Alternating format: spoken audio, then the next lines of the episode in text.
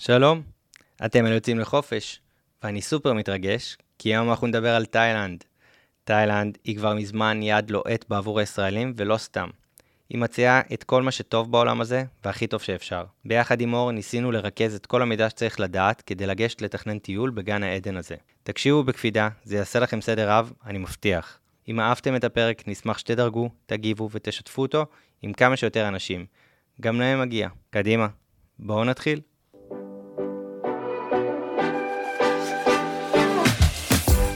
היי כולם, אני ארז קנלו, ואני פה כי אני חי מריגושים וחוויות. אני אוהב אוכל טוב, טיולים, נופים, תרבויות, ובגדול, מאוד אוהב חופשות. זו בדיוק הסיבה שהקמתי את לוץ, חברה להפקת חופשות, ובדיוק הסיבה שאני פה. לחקור ביחד איתכם מקומות מרתקים, ולהבין איך הכי נכון לתכנן את הטיול הבא בכל יעד שנבחר. מדי פרק נארח פה אורחים מיוחדים. הם יעזרו לנו להכיר את היעדים כמו שרק מקומיים יודעים, וייתנו טיפים חשובים. אנחנו כאן מקליטים את הפודקאסט באדיבות אולפן הפודקאסטים של ספריית בית אריאלה, תל אביב יפו. אז אנחנו יוצאים לחופש, בואו נתחיל.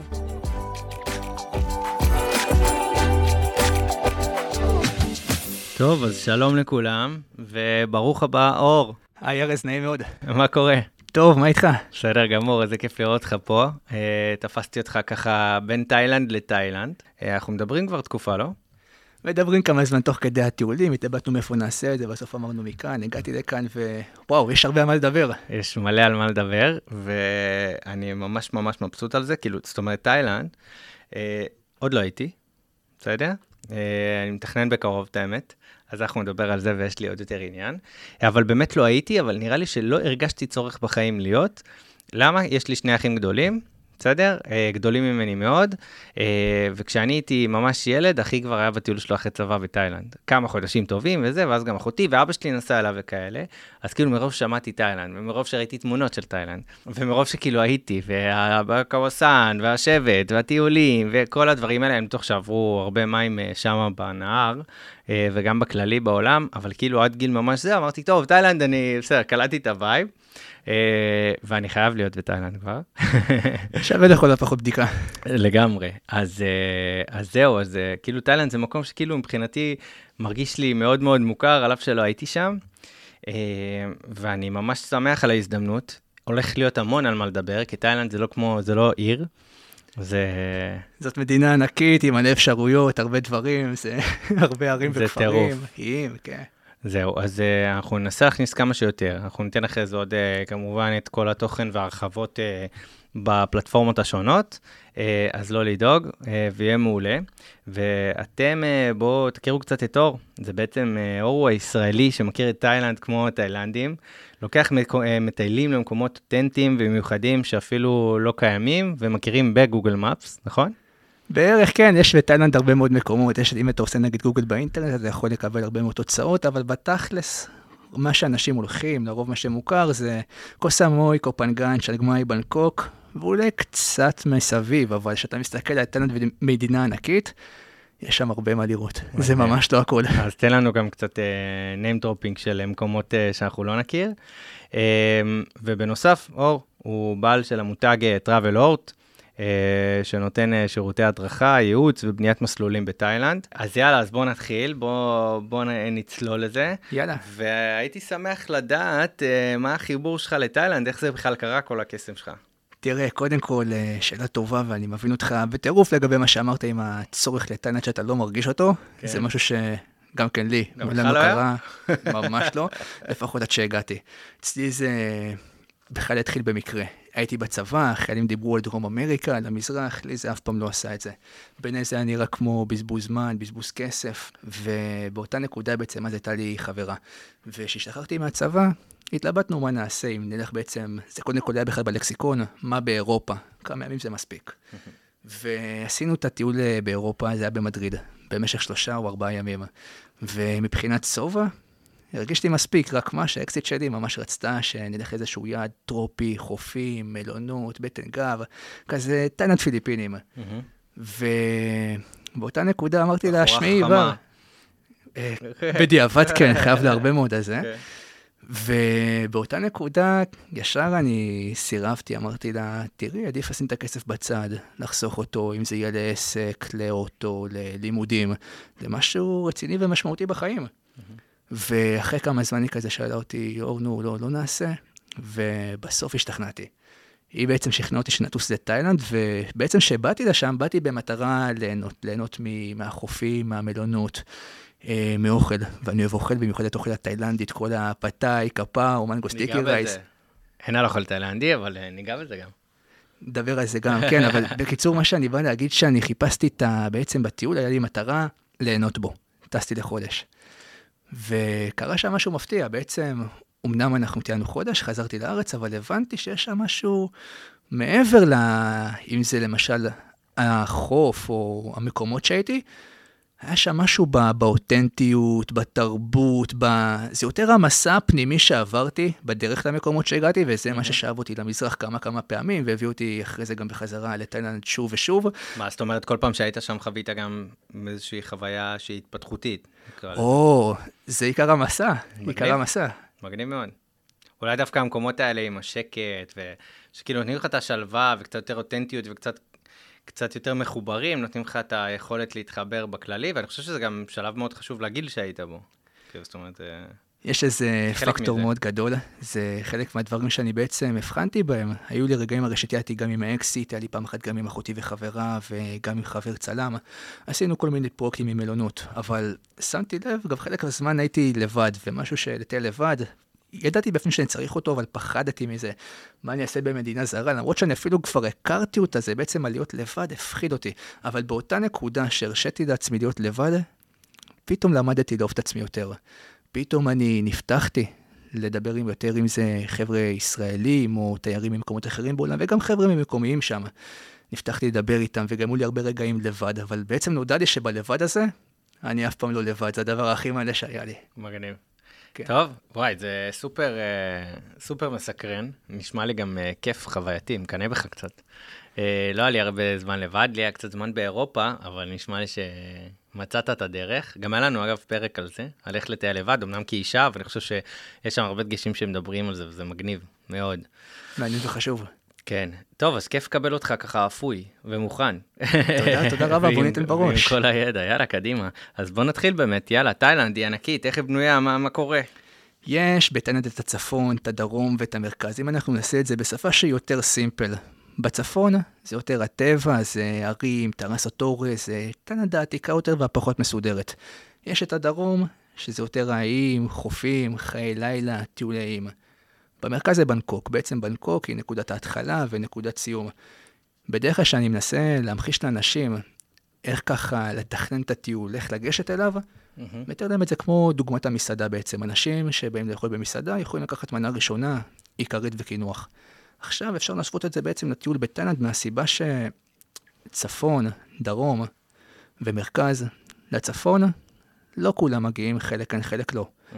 לאים הרוב מגיעים. אבל כולם עוברים בבנקוק.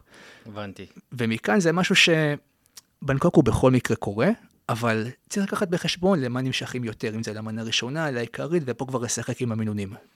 מגניב. אז מה יהיה, אז מה המנה ראשונה? בדרך כלל כשאני מתחיל את הטיול, לפחות אם אני מסתכל על זה כטיול של חודש, בנקוד, נצא מתוך נקודת הנחה שאני רוצה ללכת גם לטבע וגם לחופים וגם לקניות, mm-hmm. במצב שרוצים צפון, דרום ומרכז, ממליץ בדרך כלל להתחיל בצפון. מהסיבה הפשוטה שבעצם בצפון מגיעים למקום שהוא פחות נקי, פחות סטרילי, יותר uh, מלוכלך, באים יותר ללכת, לנסוע, זה יותר סזיפי.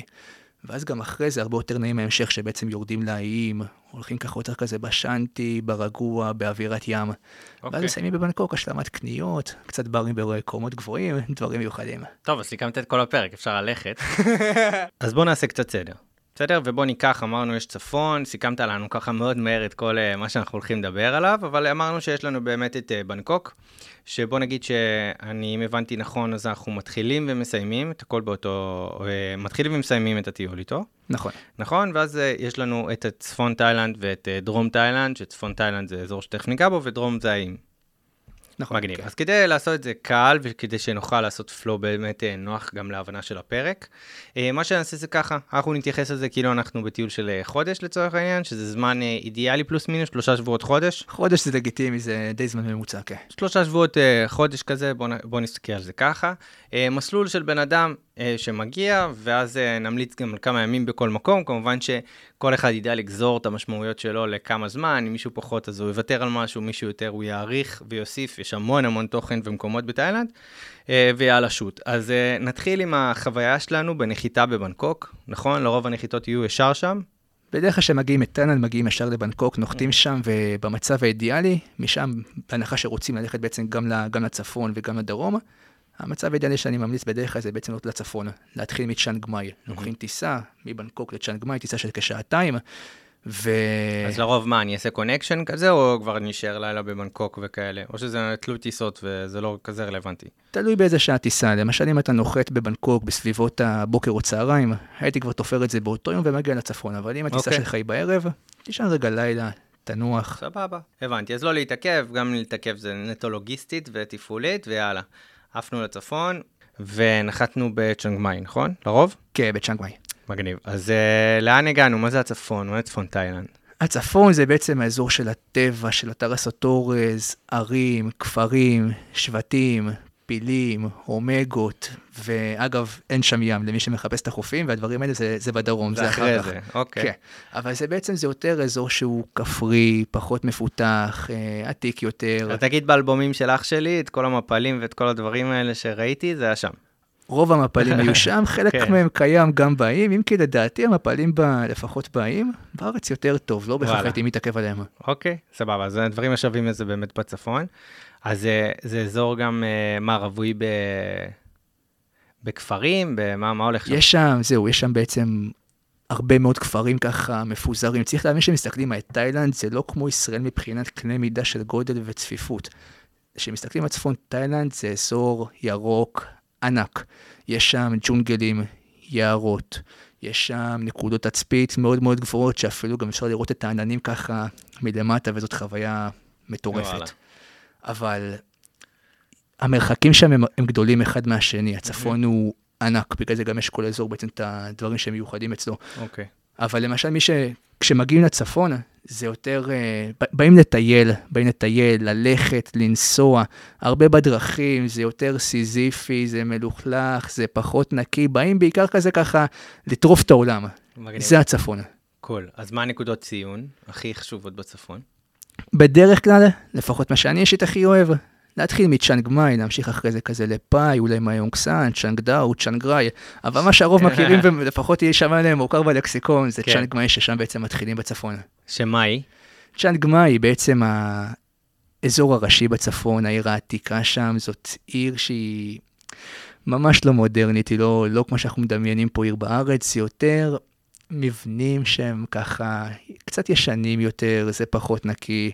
אמ, מצד אחד אין שם את הצפיפות הזאת כמו בארץ, הנה למשל ניקח ערים כמו רעננה, תל אביב, אמ, וגם אין שם את הים, אבל כן יש שם הרבה מאוד אנשים ויש שם הרבה מאוד שווקים בין לבין, למשל חנויות יוקרה זה מאוד מאוד נדיר, אבל לראות למשל אוכל רחוב, ספא, אה, ובעצם את הדברים הפשוטים יותר. אז זה כאילו המרכז העירוני של האזור הזה, אבל הוא פשוט אה, עדיין לא כזה מודרני. זה המרכז העירוני של המקום הזה בצפון, צ'אנגמאי, שבעצם ממנו אפשר להגיע לכל שאר היעדים בצפון. מה שזרקת מקודם?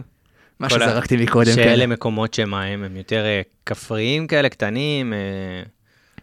אלה מקומות שהם פחות עיר, אלה יותר בסגנון כפר, וכפר מאוד מאוד מרוחב, בניינים שהם ממקומות כמעט ואין שם, זה יותר כזה טרס אורז, בעיקר כזה ככה לקחת לך בקתה מעץ ולהיתקע בסוף העולם, זה בדרך כלל שם. וואי, זה בכלום כסף, אחי, בסביבות ה-30-40 שקל ללילה. וואו, כן. טירוף. אז דקה, אז מה, אז אוקיי, אז אני מגיע לצ'אנג מאי לרוב, נכון? ואז משם אני אצא לטיולים, או אצא לאיזה יום ולילה.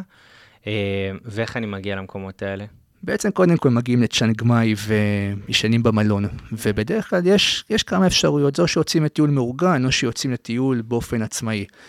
אם רוצים להסתובב בתוך העיר, בדרך כלל מה שרואים זה יותר את המקדשים, יש שם הרבה, וגם את השווקים, אבל ברגע שרוצים יותר ככה לטייל, לטרוף את העולם, לראות את פעילי הטבע, את המקומות הנופים המשגעים המיוחדים, זה מסביב.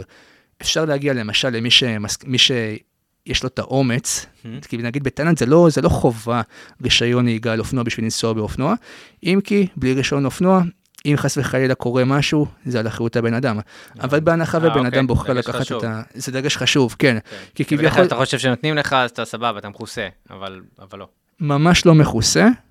ואם אני נוסע קצת יותר רחוק ממרחק סביר, נגיד לאנשים אה, שלא מוכנים, אני נוהג על קטנוע ביומיום, ואני לא מוכן לנסוע על קטנוע בכבישים ראשיים, או יותר מחצי שעה, כי אני מאבד סבלנות, אז איך אני יכול להגיע למקומות היפים? לגיטימי ובצדק, יש בשביל זה טיולים מאורגנים, שמוצאים לטיולים של כמה ימים, שהם כוללים פילים, כוללים חוות נחשים, שבט ארוכות הצוואר, וכוללים עוד הרבה דברים ככה של מקומות בטבע, שזה נעשה דרך טיול צ'יפים. הבנתי. רק העניין הוא שמהניסיון שלי, הדברים האלה הם טובים למי שרוצה ככה להספיק לראות הרבה דברים, ובאופן שהוא יחסית נוח וכביכול בטוח, אבל אתה, לרוב אתה לא לבד, אתה לא לוקח רכב לבד, אתה לא מתנהל עם תחבורה ציבורית לבד למקומות האלה. ו...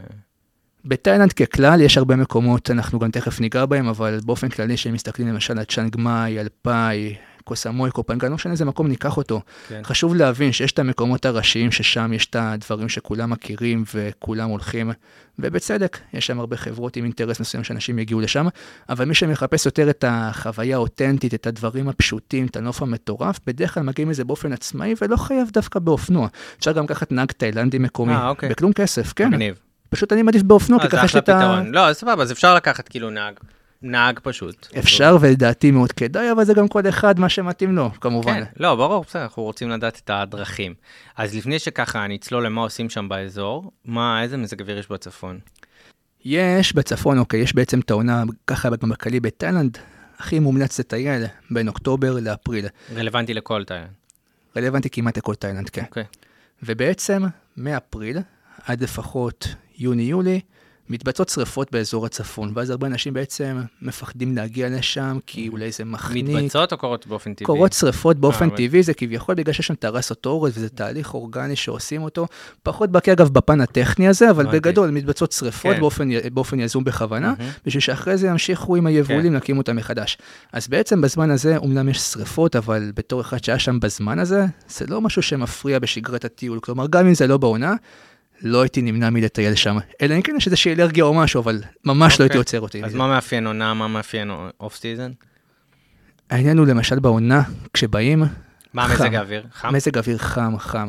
במיוחד בצהריים, במהלך היום, ובערב כזה נעים, אולי אפילו טיפ-טיפה קריר. אוקיי. כשזה לא בעונה, זה קר בערב, קר בלילה וקר בבוקר, במהלך היום זה חם. אז אה. כדאי לבוא עם ביגוד חם כשבאים הבנתי. בזמן הזה. פשוט יותר קר, כאילו, לא... אה, כן, מה זה קר? זה נגיד ביחס לארץ, זה כמו בערך בסתיו כאן, זה סביבות ה... פחות או יותר 10, 11 מעלות כזה. גשמים? יש בתאילנד, אוקיי, יש לך גשמים גם בעונה וגם לא בעונה. בדרך כלל בתאילנד זה סיטואציה קלאסית. אתה רואה יום שמשי יפה, ומשום מקום אתה לא מבין מאיפה הגיע המבול הזה, יורד לך מלא גשם, בתוך איזה 5-10 דקות. המונסונים, לא?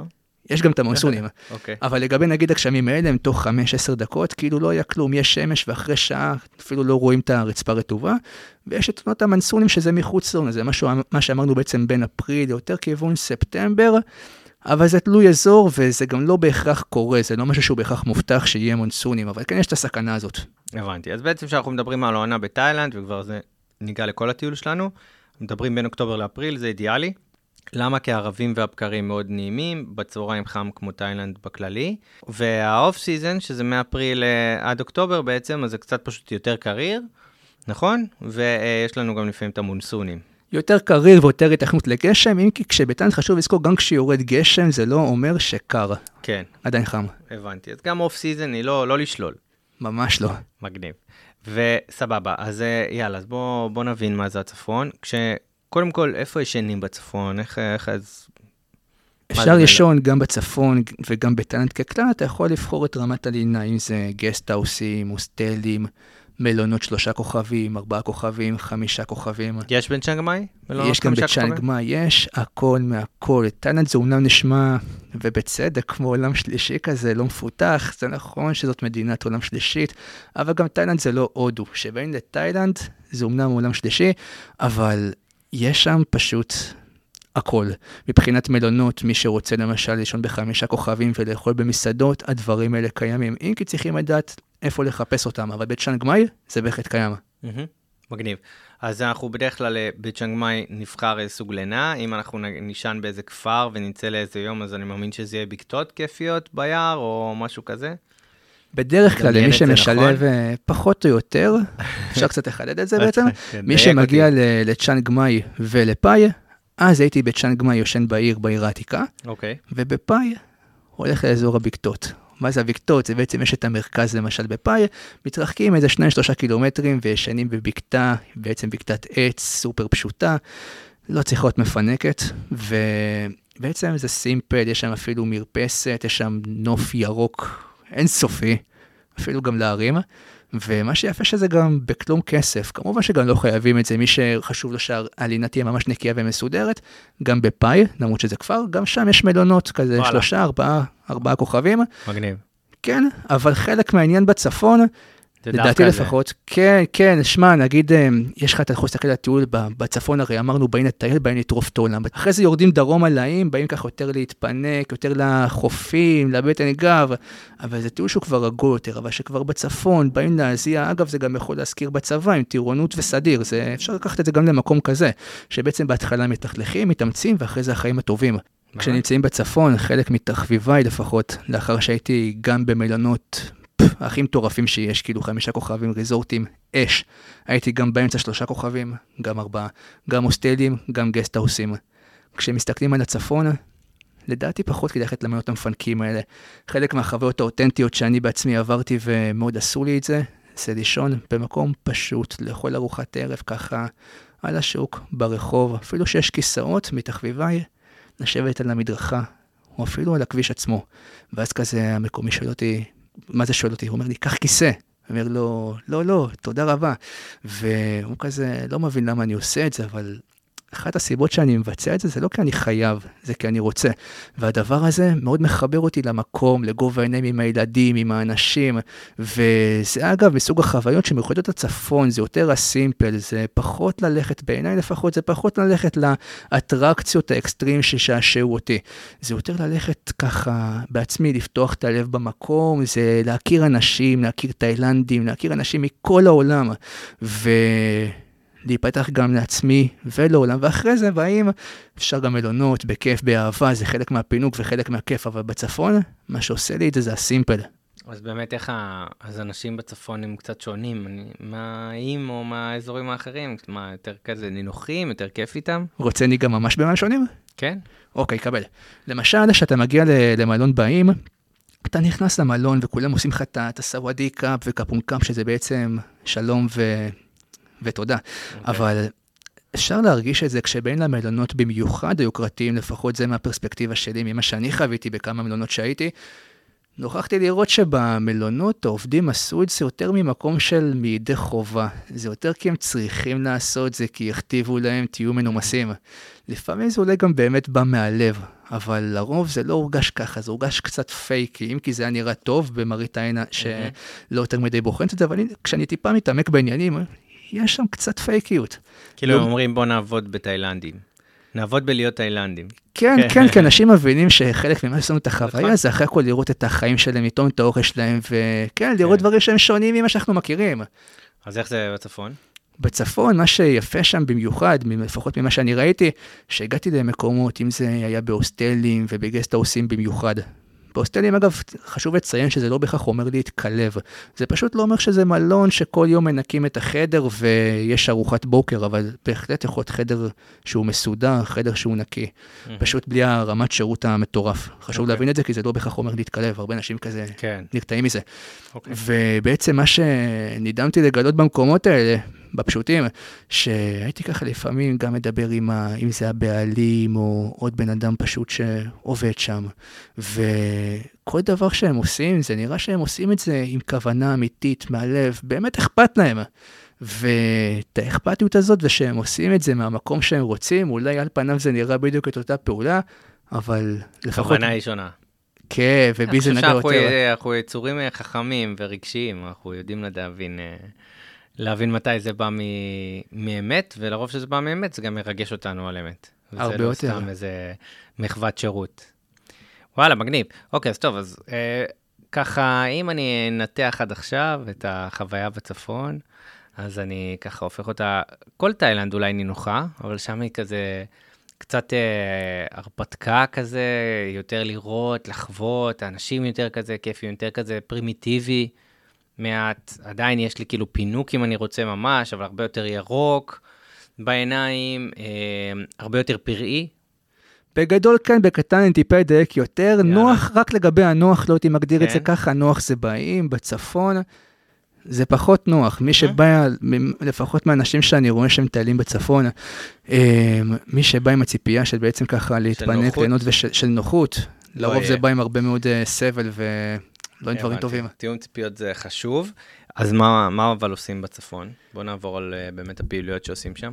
בצפון יש שם גם נחלים, יש שם מפלים, הולכים לטרסות אורז, הולכים למקדשים, ואני חושב שחלק מהעניין בצפון זה פשוט להיות במקום, אז קודם כל לטייל.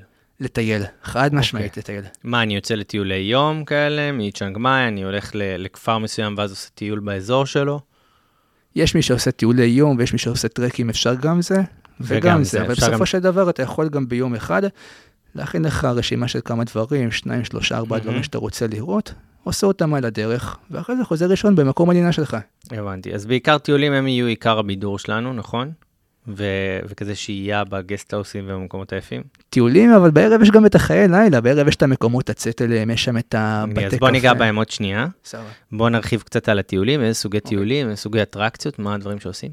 אז בעצם יש את הטיולים שאפשר לצאת אליהם באופן עצמאי, ויש את הטיולים המתוירים שבעצם יוצאים אליהם דרך מסגרת שהיא של טיול מאורגן. מהמם. בסופו של דבר אפשר לראות פילים, אפשר לראות שם נחשים, אפשר לראות שם, לעשות אומגות גם, ללכת לנקודות תצפית, אה, פשוט רואים טבע. מעיינות מטורף. חמים גם, לא? מעיינות חמים, ו- ומה שיפה שם, שזה פשוט בקנה מידה עצום, יש שם שפע של טבע, יש שם... רק תבוא, רק תבוא ותגיע. מגניב. אה, טוב, גם שבט ארוכות הצוואר זה שם, לא? שבט ארוכות הצוואר זה חלק מהדברים שבעצם אנשים שהם, לפחות מי שמגיע לצ'אנג מאי, בדרך כלל הולך גם לשם. חשוב לתת שם איזושהי נקודה קטנה לגבי כן. שבט ארוכות הצוואר, זה בתור אחד לפחות לפני שהייתי שם, זה נשמע נוצץ, מגניב, וגם נראה בתמונות, וואו, יש להם את הלוק הזה עם השרשרות הזהב, הבגדים. כן, וואו, זה איזה דבר פעם. אותנטי ומקומי זה, מגניב, שווה בדיקה. כן. ואז אני מגיע לשם, הולך, וזה לא בדיוק ככה. זה אומנם נראה ככה, זה בעצם האנשים שם, הם בהחלט נראים כמו בתמונות, אבל מבחינת החוויה, לפחות שאני עברתי, פחות או יותר כמו לעבור במחלבה בתנובה, זה... אני הולך שם ואנשים כזה מתמסכנים, ואני כאילו צריך להשאיר להם כזה כסף, ואם אני רוצה להצטלם איתם, אז הם כזה עושים את החיוך המזויף, אז גם מצפים שאני אקנה מהם משהו, ו- וליבי איתם, אבל כחוויה לפחות, לא דמיינתי שזה ככה יהיה. זאת אומרת, זה לא חוויה אותנטית שהיא נעימה, וזה מסוג הדברים המתוירים האלה של פעם. גם כל החוות האלה של הנמרים המסוממים וכאלה, וזה בצפון? הייתי כמה פעמים בתאילנד, אני אישית לפחות, זה מסוג הדברים שאני שמעתי עליהם הרבה מאוד, כן. ואף פעם לא דיבר אליי, אני פחות כן, מתחבר לא, אני מסכים, אבל. זה שמה? זה גם שם זה גם וגם באים. דברים ש... כן. אה, וגם שם וגם באים? כן. הבנתי. טוב, אוקיי, אז אני פחות, אה, לא בא לי להרחיב על זה, את האמת, באופן אישי, סליחה על מי שאני לא נוגע בזה, אז תחפשו בגוגלית. כזה, כזה סתם, זה דברים נראה לי שכבר לא, לא מתאימים לתקופה שבה אנחנו חיים. אנחנו מבינים שעשינו פה איזה, אה, ככה כמה פעולות נגד הטבע, ודווקא דיברנו על זה שהצפון הוא מקום ככה יותר אותנטי ומחבר וכזה, אז בואו בוא נזרום על זה. מגניב, אז התעסקנו הרבה בטיולים בצפון, אמרנו, יש אחלה אנשים, אחלה מקומות ללון בהם. אה, מה, מה אוכלים בצפון, לפני שאתה מרחיב על חיי לילה? אוקיי. אמ, אני מת על אוכל תאילנדי. מה אוכלים, אחי? יש לך שם... אני, אני מת על אוכל תאילנדי. יש לך פה עולם, אחי? קבל. אוקיי. קודם כל, פתאי זה obvious, מכירים את זה בארץ כן. כבר. אם כי גם יש הבדל קטן במחיר, כשבארץ אתה אוכל פתאי בסביבות ה-60 שקלים, והוא סבבה לך אולי טעים. בצפון תאילנד, אתה אוכל את הפתאי ולא משחקים חי, אתה אוכל ככה טופו, בשר, בלי תוספת תשלום, כמובן גם עם ביצה. לא רק שבעיניי זה יותר טעים, זה במחירים גם הרבה יותר זול, עולה בסביבות השלושה, חמישה, נגיד שישה שקלים, אחי? וואלה, קצת תפרו אותך במחיר. הבנתי, אוקיי. ככה, כן, אז יש לך למשל גם את הפתאי. יש קפאו, שזה גם כן אוכל מקומי כזה, אורז, ביצת עין, חריף. עוף. אז זה קצת הדברים שאנחנו מכירים. זה הדברים שאנחנו מכירים בגדול, אבל זה לא אותו דבר, כי שם, זה למשל, אתה יכול לראות את זה גם אם אתה, למשל, אם אתה מגיע למשל למלון, ואוכל פתאי במלון, או אוכל פתאי ברחוב, ההבדל שמיים וארץ, אמנם זה מוגש במלון, בצלחת מאוד מאוד יפה, אבל כשאתה אוכל, בדרך כלל לפחות, כמובן יש את טעם, מהמם. אבל זה די טעים. כשאתה אוכל את זה ברחוב, זה אומנם פשוט יותר, אבל מעבר לזה שזה לא נראה נוצץ במיוחד, אנחנו נגענו קודם בעצם באוכל התאילנדי, מה יש בצפון. אה, איזה אוכל... אה, אז בואו בוא נדבר שנייה לפני חיי הלילה על האוכל. איזה אוכל יש בצפון? קודם כל, אוכל בתאילנדי בכללי, תן, אה, ניתן כזה נגיעה, ואז תספר לי מה שונה כאלה אחר בצפון. יש בתאילנד האוכל האסייתי מגוון. יש פאד תאי, קפאו, mango sticky rice, pineapple fried rice, הרבה מנות מיוחדות שגם אם מוצאים אותם בארץ, הם לא בדיוק אותו הדבר. מהמם. אבל כשאנחנו מסתכלים על הצפון, אפשר להרגיש את זה מאוד בפן של ה... אם אנחנו לפחות מעזים לאכול, ב... לאכול את האוכל ברחוב.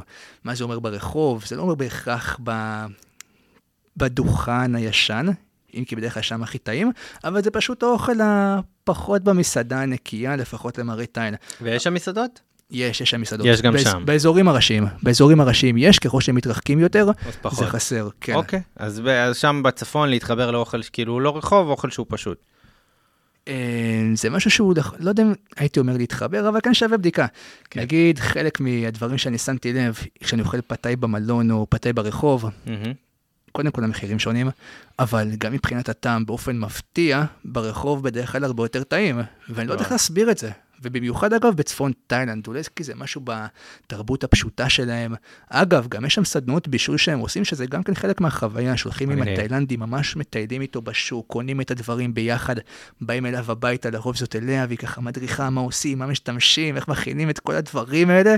חוויה. פצצה. כן. אז אתה יודע להכין אה, מנה שתיים? יכול להכין, אבל לא יצא כמו התאילנדים.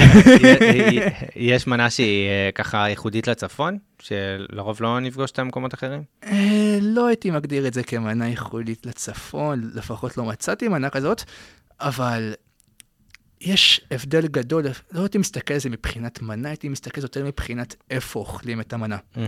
פה זה יותר משמעותי. אם כן. אוכלים את המקום שהוא במקום שבאים אליו הרבה תיירים, או במקום שבאים אליו החבר'ה המקומיים. לרוב, מה קורה בעצם? ברגע שתייר מגיע למקום בתאילנד, אה, המקומיים חושבים שהם צריכים לרצות אותו באיזשהו מקום, אז הם עושים כל מיני דברים שהם משתדלים כאלה ויוצא קצת בכוח. ו... בלי הבנה בעצם. אז בלי- ככל שזה יותר מחובר למקום ולאותנטיות, ככה זה מן הסתם יותר טעים. כן, וגם ככה אתה טועם את הטעם של תאילנד ולא הטעם שהוא כאילו תאילנד. כן, וכאילו בגלל שבצפון קצת מקום יותר אותנטי, אז מן הסתם זה משפיע גם על האוכל. אני, אם אני מבין משפיע, נכון. משפיע באופן ישיר, במיוחד שאתה אוכל גם ברחוב בצפון. חד משמעית. קול. ומה עם חיי לילה שאמרת? יש, אוקיי, יש שם הרבה מאוד ברים. לגבי מסיבות, זה פועל לפחות בזמן הקורונה עכשיו, באופן כן. יותר מחתרתי. הדברים האלה קיימים, אבל בסקיילים נמוכים יותר. המסיבות החזקות הן יותר בכיוון נעים. אבל ללא ספק מסתובבים בצפון, גם אם אנחנו מסתכלים גם על צ'אנג מאי, גם על פאי. הולכים לבר בערב, רואים שם תיירים, רואים, אם זה ישראלים, אם זה ממקומות אחרים, מבריטניה, מגרמניה, יש, יש הרבה מאוד. ובתוך כל המקומות האלה, גם בין לבין פוגשים הרבה מאוד, הרבה מאוד תיירים. אמנם זה נשמע כמו, כי יש בזה משהו, צפון, אזור נידח ורחוק מהכל, מהמם. אבל בשורה התחתונה, אתה אף פעם לא מוצא את עצמך לבד. היו לי למשל רגעים באזור פאי, שרציתי קצת להיות, טיילתי לבד, ורציתי להיות לבד, ואפילו לא הצלחתי, כי וואלה. תמיד ראיתי פה איזה מישהו שאני מכיר, עוד איזה אנשים, לא שזה רע, אבל יש שם אנשים, זה, זה אמנם אזור שהוא מרוחק יותר, אבל עדיין, זה לא מקום, לא אז הייתי כאילו קורא לזה, הביחד זה חלק מהבילוי שם ב- באזור הזה. חד משמעית. כן, יש שם מקומות אתה יוצא בערב לראות את השקיעה ככה עם השמש יורדת בהרים, אתה שם יושב כזה, נגיד אפילו כיסאות מהמם. מקש, או ממש על טבע, כן. על, על הדשא, ויש שם הרבה חבר'ה, חבר'ה ישראלים למשל, שגם כן יושבים במקומות האלה, ויש שם משהו כזה מאוד נעים בלשבת בטבע, אפילו גם בלי איזה מוזיקה מיוחדת, פשוט לדבר עם אנשים בנוף הזה, לדעתי לא צריך יותר. מגניב. טוב, אז זה הצפון נראה לי. יש עוד משהו חשוב לדעת עליו, לדעתך? לגבי הצפון, בדרך כלל, אם אנחנו מסתכלים על טיול של חודש, לא הייתי מקדיש לו יותר משבוע וחצי, זה אוקיי. במקסימום. כי אוקיי, אני חושב ש... שבוע. כן, אם אני בטיול, אה, גם חמישה ימים יכולים להספיק? היית חמיש- ממליץ, או שזה כזה סתם לעשות את הטיסה וכזה? זה תלוי מקרה, בדרך כלל חמישה ימים אפשר להספיק לראות את הצפון ולחוות, אבל עדיין אתה תפספס שם הרבה דברים. זה, אני חושב שבמינימום, מינימום, מינימום, שישה ימים ככה, מינימום. מגניב. קול. אז uh, סיימנו עם הצפון, תכף בסוף uh, יש איזו עמדה כזה, תצפית שאמרת, מקום שחייב להכיר, מקום שלא לא מכירים, סתם מסקרנות. בטח יש מלא, אבל יש לך אחד כזה?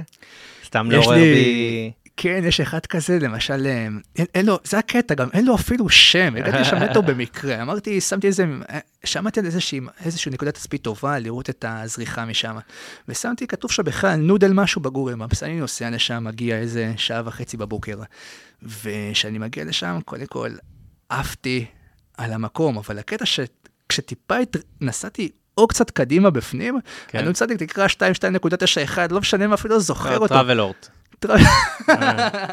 משהו כזה, כן. אז מה יש בנקודה הזאת? אז בעצם יש שם, הגעתי למקום שאני בעצם רואה את הזריחה, רואה את השמש ככה עם כל מיני צבעים, צהוב, אדום, ו...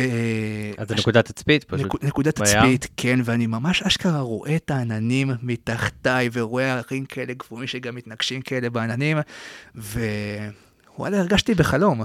מגניב. אז זה גם זריחה, גם שקיעה. גם. זריחה, גם שקיעה, וואו. איפה זה נמצא? ליד איזה עיר? איזה יישוב? זה נמצא באזור פאי, משם קל להגיע למקומות האלה. קול. טוב, מגניב, יאללה, בוא, בוא נדרים. סיימנו בצפון, אה, ועשינו את כל זה, ומעכשיו בואו נרד באמת אה, לחלק שנראה לי כולם אה, מצפים לו, ושמדמיינים בו תאילנד, שזה בעצם דרום, האם, נכון? לגמרי, כן, החופים, האיים. קול. אז איך אני, איך אני מגיע לשם? אני מניח שבטיסה, אם אני מגיע מהצפון הזה, איך- ואם אני מגיע ישירות מבנקוק, היה וויתרתי. כשרוצים להגיע בעצם מהצפון לאזור האיים, הכי כדאי להגיע מצ'אנג מאי, יש שם שדה תעופה, לוקחים טיסה, ובעצם מגיעים לאיים, אבל הוא שבאים, יש שם הרבה מאוד איים, והייתי מכנה את זה גם בכמה אזורים. יש את הצד המערבי, ויש את הצד המזרחי. עכשיו, מבחינת ההבדלים, אנחנו תכף ניגע בהם, אבל קריטריון שחשוב לקחת אותו בחשבון כשיורדים לאיים, זה פול מון. הרבה אנשים רוצים להגיע לפול מון. אז אוקיי, אז קודם כל, לפני שבאמת ניגע בזה, אמרנו מגיעים בטיסות, יש לנו שלושה תתי אזורים, בוא נגיד את זה ככה, נכון? שלושת תתי אזורים, סבבה. באיים שהם מערב, מערב, מזרח ומזרח מזרח. אני קורא. לזה הפיליפינים של תאילנד. מגניב, אוקיי. אה, כי? כי? כי- הם- כי זה, ככה הם נראים? כי זה החופים הכי מיוחדים שהייתי בהם. זה מגניב, בסדר. לא, לא כן. obvious. סבבה, אז אנחנו מגיעים, אז בעצם אני יכול להגיע לכל אחד מהאזורים האלה, נכון? אוקיי, נכון? לכל אחד אוקיי, מהאזורים האלה אני יכול- יכול להגיע בטיסה? לא לכל אחד מהאזורים. כשאתה מגיע למשל, אם כשאתה מתחיל להגיע מהצפון, אתה לוקח טיסה, יש טיסות בהחלט לאזור המערבי ולאזור המזרחי. לא למזרח-מזרח. יש שם שדה תעופה, פשוט היום הוא לא פעיל, אז בדרך כלל מגיעים אליו דרך בנקוק. אוקיי, זה יותר מסובך. הבנתי. דרך בנקוק מגיעים למזרח-מזרח? כן, כי בעצם ברגע אתה... מה, לא- בנסיעה אבל? בנסיעה של שש שעות, זאת נסיעה שהיא אוקיי. סיזיפית, זה למשל מי שמטייל חודש, בדרך כלל הייתי, לא בהכרח הייתי שם את זה בטיול, כי זה טרחה, זה טרחה. להגיע לשם, אבל אם בוחרים להגיע, צפו. להפתעה בחופים. סבבה. מהמזרח אני יכול להגיע אליו? מהמזרח גם לא, אתה צריך לעבור דרך בנקוק, באמת? כן. אז אני חוזר, עולה ואז יורד. לגמרי, כן. טוב, קיצר זה למטיבי לכת, אז אה, תכירו אותו בשתי, בוא, בוא נסכם שעכשיו אתה אומר איזה שני איים כזה מוכרים שיש שם. זה החלק שממש בגבול קמבודיה, מזרח-מזרח, נכון? יש שם בעצם האיים שהם כביכול הכי מוכרים, אם כי ישראלים פחות מכירים אותם, זה קוצ'אנג וקוקוט. אם כבר מגיעים לשם, אוקיי. לדעתי, די חובה לבקר בהם. מגניב. סבבה, יאללה, קיבלנו, אז אולי אחרי זה ניגע בהם עוד טיפה ככה, ת, תסביר מה קורה. אז הגענו אבל לדרום, אה, אז אני יכול לנחות או במערב או במזרח, איפה נוחתים במערב? כשנוחתים במערב, נוחתים בפוקט. בעצם פוקט זה, זה אי גדול, הייתי מייחס לו מבחינת גודל של מקום, כמו כמה פעמים תל אביב. מהמם. יש שם את האזור הראשי שהוא נקרא פטונג. יש שם אזור שהוא יותר מיועד לגלישה וככה שקיעות יפות, נקרא קאטה ביץ'. וגם כן קרון שהוא קרוב אליו, קצת פחות מתויר, נמצא גם כן ליד. מי שרוצה ללכת לחיי לילה שהם רגועים יותר מהפטונג, זה באזור הוואי, שזה ממש בדרום. אחד הפלוסים שם, שגם יש שם חוף יפה, וזה מקום שהוא קצת יותר שקט. אם רוצים ללכת בעיקר להתמקד בחופים, יש ליד פטונג, אזור שנקרא קמאלה, נוסעים בערך כאיזה עשר דקות, רבע שעה. כל זה בפוקט. כל זה בפוקט. אתה ממש צללת כבר לפוקט, אז דקה. אנחנו במערב, ויש את פוקט, המגניבה עם כל האזורים האלה שאמרת. cool. אה, שזה בעצם מה, זה האי הכי גדול, זה האי כאילו אי מרכזי, שממנו אני בעצם יוצא לשאר האיים במערב, נכון? פוקט זה, כן, זה האי הכי גדול בעצם אה, בתאילנד, שדרכו אתה יכול להגיע לשאר האיים שלידו. אבל אם אתה רוצה להגיע לאיים המזרחיים, זה דרך טיסה. קצת. לכלכו לי עליו, זה נכון? או שאתה עדיין אוהב אותו? יש, יש סיבה, בטח שלכלכו עליו בצדק. פוקט זה מסוג המקומות שיש לו פלוסים ומינוסים. אוקיי, יש שם... מה הפלוסים? יש שם, היתרון, יש שם חיי לילה מאוד חזקים. יש שם גם מסיבות. יש שם גם חופים, לא הרבה, מעט, מאוד מאוד יפים. והמחירים של המלונות מאוד מאוד מאוד מאוד זולים ביחס לשאר תאילנד, וגם מבחינת אוכל, מי שככה פחות פתוח למאכלי רחוב ורוצה ללכת למקומות הנקיים יותר, בפוקט יש מגוון ענק, אם זה סטארבקס, Pizza Company, מקדונלדס, יש שם את הדברים האלה. זה היתרונות, אבל כאילו זה אי שפשוט הוא מאוד מאוד מפותח תיירותית, מה שהרחיק אותו מהאותנטיות, בוא נגיד, כמו בדרום, ואז בטח אני מניח שגם הקהל שלו שם הוא הרבה יותר תיירותי, וגם הרבה יותר ילדותי אולי. אה, בדיוק ככה, כן, זה לגמרי כן. זה הכיוון. מגניב. אז אנחנו בפוקט, ומשם בעצם יש לנו את האיים המערביים, משם אני עובר לאיים האחרים, נכון? כן. אז מה, איך אני עובר בדרך כלל? אופן המעברים בין האיים בתאילנד, לפחות ברובם, מהמם. זה דרך מעבורת. מגניב. יש שם כל מיני מסביב, יש שם איים קטנים יותר, איים גדולים יותר, חלק מיועדים אפילו, חלק למשל יש שם ערים, אז עושים טיפוס, יש שם חלק שהם קטנים יותר, ואפילו יש שם רכבים, אז כאילו תלוי לאן אתה רוצה להגיע, אבל עובר מגניב. דרך מעבורת. אוקיי. ואז בעצם אני, אה, עוב, כאילו ישן, יש לי אופציות, יש מלא איים שם, נכון? איזה מרכזיים, חוץ מפוקט שהוא גדול? יש, יש שם באמת, אה, לא יודע אם אני יכול לספור את כמות האיים שם, אפילו אני לא הייתי בכולם, אבל האיים העיקריים שמגיעים אליהם זה פוקט, קופי פי, אה, ריילי ביץ', הוננג. אלה בעיקר המקומות שבאים אליהם ככה באזור המערב. מגניב. ומה מאפיין את האיים באזור המערב? מבחינת פוקט, זה האזור הראשי, מגיעים אליו, יש שם את החיי לילה, המסיבות, אם כי גם חשוב לתת איזשהו דגש לגבי פוקט. רוב האנשים שמגיעים לפוקט מגיעים לפטונג, וחשוב לשים- לשים שם איזושהי נקודה, שכשהם מגיעים לפטונג באזור פוקט, בערב, יש שם גם הרבה מאוד זנות, אז ככה, לפקוח את העיניים, זה שבאים למשל לעשות מסאז' אזור באים ככה, פחות, פחות נעים. פחות נעים, כן. גם אם למשל באים לעשות מסאז', חשוב לוודא למשל אם אתה רוצה לדעת שאתה בא למקום איכותי ושזה לא ככה נוגעים בך בסוף. אז אחד מהדרכים לשים לב זה אם, אם באים לספא שעובדות לבושות בו חשוף, כנראה אתה לא באת לספא, באת למקום. אחר. אוקיי. אם אתה רואה ש... דגש חשוב.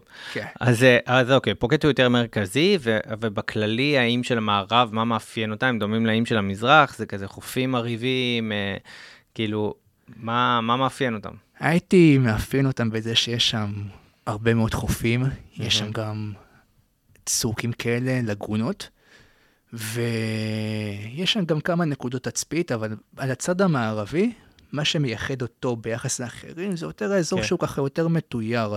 זה, אנש... זה לא, לא מקומות שהם בתולים, זה היו שם לפניך, כבר אוקיי. אתה בא לי בעצם, אין כזה... מגניב. ואיך הלינה שם? מה, איפה בדרך כלל נשען? יש, אז למשל אמרנו לגבי פוקט, רוב הישראלים ישנים בפטונג, אבל יש גם עוד מקומות, יש את הקמאלה, קרון, קאטה ביץ', איזה רוואי. סוג של מלונות זה? מלונות, יש לך שלושה כוכבים, ארבעה כוכבים, חמישה כוכבים, יש לך... הריזורטים המפנקים כזה שמדמיינים? יש שם, למשל בפוקט, לא רק בפוקט, יש לך גם באיים המערביים, יש לך שם את כל סוגי המלונות. אוקיי. חשוב להבין אבל שאומנם תאילנד זה יעד שהוא זול, אבל שבין המלונות האינסטגרמים האלה, שהכאילו מטורפים של הביוקר, כן. אלה ספציפית הם יקרים, אבל גם אפשר למצוא מלונות חמישה כוכבים בסביבות ה-100-200 שקל ללילה. וואלה. ומה מה אתה מקבל ב-100-200 שקל לילה? ב-100-200 שקל ללילה, אם אתה לפחות סוגר את זה באופן טוב, לקחת מלון חמישה כוכבים, אתה יכול להגיע למצב שאתה בעצם ישן באחלה מלון, כולל בריכה, כולל חדר מרווח, כולל ארוחת בוקר. מה שפה אתה כנראה תקנה בכמה מאות, אפילו אלף, ואתה תרגיש שוואלה הרווחת. הבנתי, וזה המלונות השלושה כוכבים? אלה המלונות הארבעה-חמישה ארבעה, כוכבים. חמישה, אבל וואלה. גם בחמישה כוכבים יש את הסקיילים הגבוהים כן, יותר, ברור. שאני קורא להם מלונות האינסטגרם, כאלה כבר הריזורטים המשוגעים משוגעים, שגם שם זה גם עולה למאות שקלים וגם אפילו כמה אלפים ללילה. כן, ללילה. אוקיי, אז זה לא תמיד כאילו שקל 90 כזה, אבל uh, אתה יכול לישון ברמה מאוד גבוהה בעלות ממש נעימה. אפשר, אפשר מאוד, אפילו אם, כמו שדיברנו עכשיו על חמישה כוכבים, לישון ב-100-200, מי שישן כן. שלושה כוכבים, אפילו גם 40, 50, 60 שקלים ללילה, וזה אגב לא לבן אדם, זה, זה לחדר של זוג, אם חולקים את זה שניים, פי שתיים ירדת במחיר. הבנתי. אוקיי, אז יש לנו את, את כל המגוון הזה, ומה עוד אה, באים בשאר המקומות, איזה, איזה בילויים נמצא חוץ מפוקט? אז גם זה עניין של חיי לילה וכאלה? יש שם גם את הפן של החיי לילה באמת, ברים ומסיבות. יש שם בתי קפה, מסעדות. יש גם שם אפילו, יש שם גם את השווקים, אם כי הם פחות אותנטיים מהצפון, אבל זה גם קיים. יש שם אפילו, לפחות בפוקט, יש שם גם קניונים. ובעיקר מה שנעשה שם זה ללכת לטיוליים, זה לצלול, זה בריכה. מה זה בטן טיוליים? גב. טיוליים זה בעצם טיול יום שמתחילים אותו בבוקר עד השקיעה בערב, ועוברים דרך כמה איים מסביב, זה בדרך כלל בעצם כולל גם ארוחה בפנים ונמצאים איתך, אפשר לצאת לזה גם באופן פרטי, ואפשר גם לצאת עם עוד חבורת מטיילים, שזה בערך סביבות ה-15 אנשים שנמצאים ביחד, לפעמים זה ב vibe של, מוז... של מסיבות, אז ככה גם יש אפילו מוזיקה, וזה בעצם עוברים דרך מקומות, עושים קצת שנורקלינג, קצת קייקים, רואים איים, ורואים ככה דברים שהם די נסתרים מהעין כשנמצאים. בתוך האי, כן. אוקיי, אז בכל אי יש מי שיציע לך את זה. כמעט בכל אי יש לך את הטיולי איים, ויש אותם בהרבה מאוד אה, אפשרויות וצורות. יש את זה, אני חושב שכל בן אדם שמגיע לתאילנד חייב לפחות להתנסות באחד כזה. מגניב. סגור. ומה עוד יש לעשות? אז אמרת צלילות, מי שאוהב לצלול זה המקום? לא הייתי צולד במערב, זה לצד לא? המזרחי. אז הנה. כן. אוקיי, סבבה, נגיע לזה. מה עוד? אה, הצד המערבי הייתי יותר ככה שם את? הדגש על הבטן גב, בדיוק, בטן גב. אפשר לדבר קצת על בטן. גב, אז מה, זה כיף. אגב, ככה טיפ של המקצוענים, כן. בדרך כלל בין 1 ל-4 במלונות, בין שעה 1 ל-4, יש להם האוור, אפי האוור, הופה. מזמינים שתייה, מקבלים 2 באותו מחיר, שגם ככה זול. בוא נדבר. קצת על השתייה ועל הפירות וכאלה, זה כמו שמדמיינים all over, כל מקום כזה, פותחים, אה, סליחה, אפשר שייק, אפשר אה, פרי, נגיד לך את האמת, כן?